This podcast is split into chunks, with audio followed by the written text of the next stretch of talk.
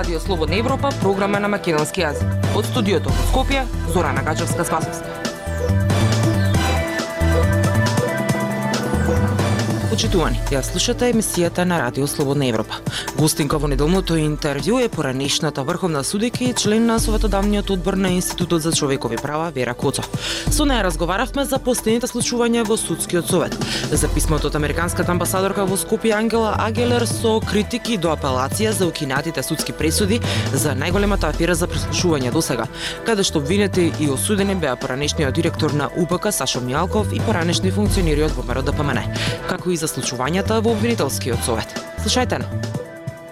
Судејќи за помалку од 5 месеци се сменија две председателки на судскиот совет. И двете, и Павлина Црвенковска и Весна Дамева обвинија за а, политички притисоци, а Црвенковска дури обвини и за судско бизнес елита. Што зборува тоа за судскиот совет? Ова сега што се случи во судскиот совет некако како да беше очекувано дека ќе дојде до такво нешто. Не дека таа покажа неспособност во неизина во обавувањето на нејзината функција, меѓутоа за да се менаџира еден така голем судски совет, едно такво тело кое треба да се грижи за самостојноста и независноста на целокупното судство во нашата држава е на вистина тешка и комплицирана работа. Ова што сега последно се случи, јас ќе кажам дека ќе употребам еден грчки збор што значи аномија. Што представува аномијата? Значи непочитување или непостоење на законски одредби и изостанување на морални норми или вредности. Напротив, ова што, што се случуваше представува за мене таков настан, аномичен настан. Да се реагира на таков начин, независно дали она ја исполнувала солидно незината функција во овие 4,5 месеци колку доаѓа од таа непосредно пред нова година некаде беше месечини избрана, е на вистина голем предизвик. Како успевала да ги менаџира состојбите во Советот, јас не знам, но ова што се случи не е дозволено. Не е дозволено од страната на неизиниот заменик. Не можеше тој така да реагира, да се земе за право во нејзино присуство, да го превземе водењето на институт на седницата, да нафрлува некои работи кои што не се испитани и наедноставно ги повика присутните да гласаат за незино разрешување. Со кое право? немаше такво право. Од причина што во Законот за судски совет не е предвидено разрешување на председател на судскиот совет. Има постапка за разрешување на член на судскиот совет, меѓутоа треба предходно да се води дисциплинска постапка, па потоа доколку се утврдат оние потребни околности во однос на некакво непочитување на законот или неспроведување на она што представува работа на судскиот совет, во ред но во случајов се прерипнаа сите тие работи. Прво немаше значи законска одредба во таа смисла, второ самата седница како беше изведена од страна на нејзиниот заменик беше сосема непристојна и вон сите законски решенија. Се очекуваше да биде а, сменет на седница на судскиот совет а, а, судијата од апелација Енвер Беджите кој 9 месеци во а, Фиока го чуваше предметот за една од најголемите афери до сега за преслушување, Таргет тврдина. А, но наместо тоа се случи другото, ја рече председателката, иако за него предходно имаше постапка, а за неа немаше постапка.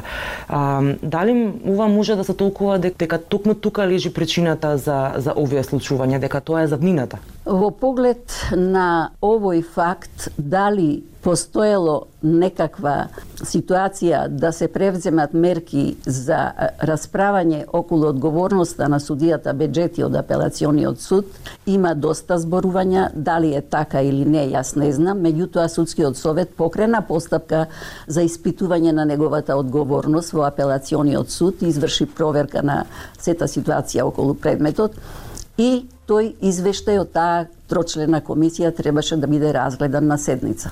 Најверојатно, сега ова шпекулирам, било предмет дали да се стави на разгледување тој извештај или не и се поделиле членовите на судскиот совет на две страни. Едни биле да се разгледува тој извештај, другите најверојатно не биле и од тие причини се дојде до прекинување на седницата и наеднаш се пристапи кон разрешување на председателката што е нонсенс, што е сосема незаконски.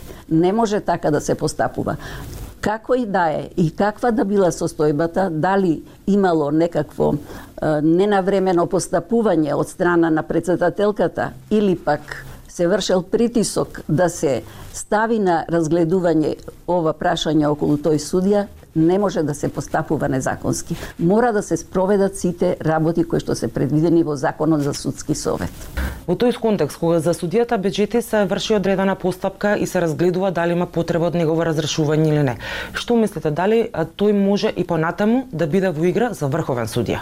Па точно тоа е проблемот кој што произлегува од сите овие околности. Се слуша во јавност дека тој имал предлог некаков дали е тој официјален или така е кулуарски само, да оди во Врховниот суд. Меѓутоа, не смее да се занемари она што го има направено во апелациониот суд.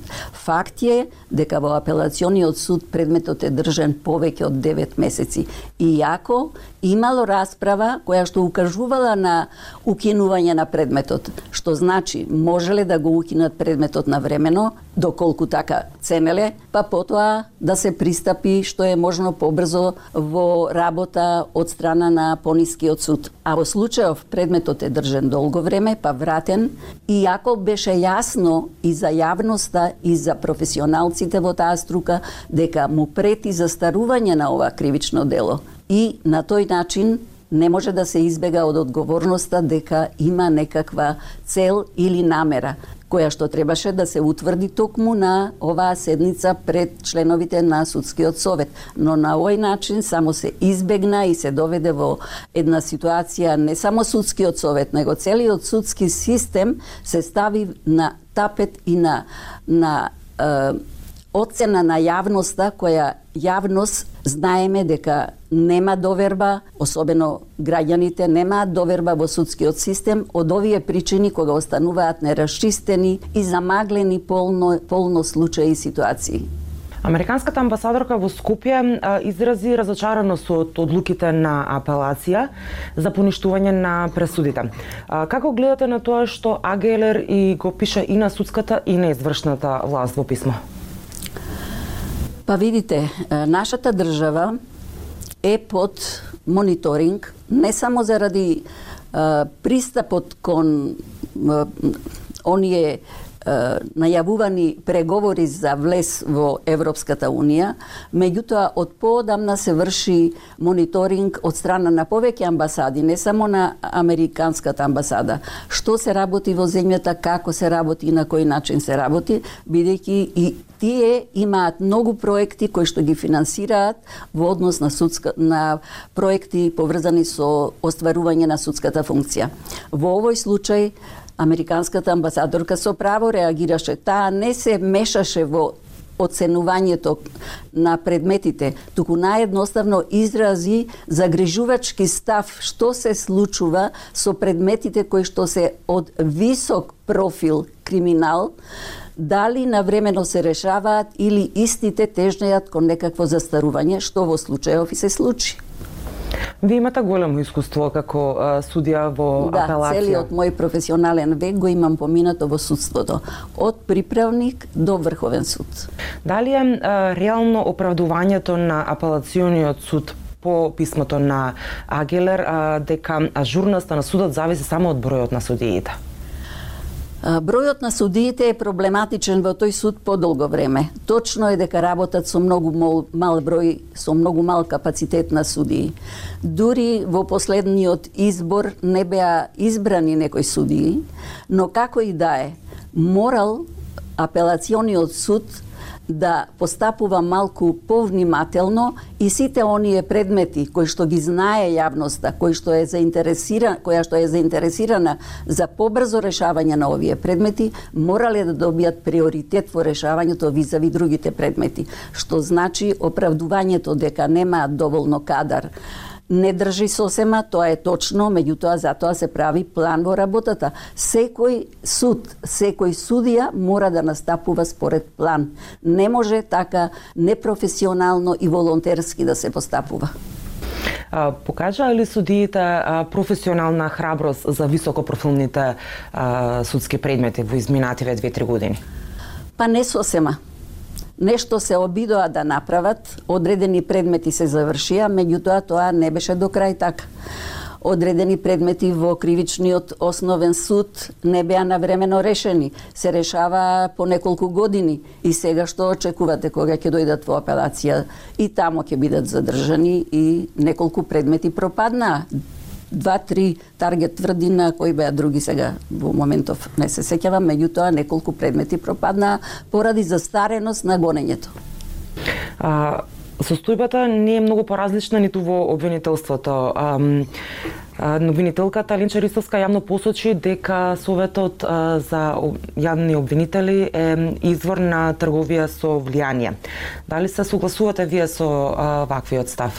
Бев присутна на настанот, односно на конференцијата, национална конференција е насловена, која се одржуваше во клубот на пратеници и обвинителката Ристовска даде своја изјава во таа смисла дека обвинителскиот совет во своето работење, особено при избор на кадрите, врши некаква трговија на влијанија во самото во самиот избор, што на некој начин Е така, бидејќи ако се вратиме наназад, каков беше изборот на одредени обвинители за високи позиции, како што беше за организиран криминал, како што беше шефот на, ви, на вишото обвинителство, каде што на вистина, иако за прв пат беа предвидени демократ, беше предвидено демократски начин на избор на јавен обвинител, сепак Од тројцата кандидати, двајцата се повлекоа. Иако ги познавам луѓето, имаат сосема солидни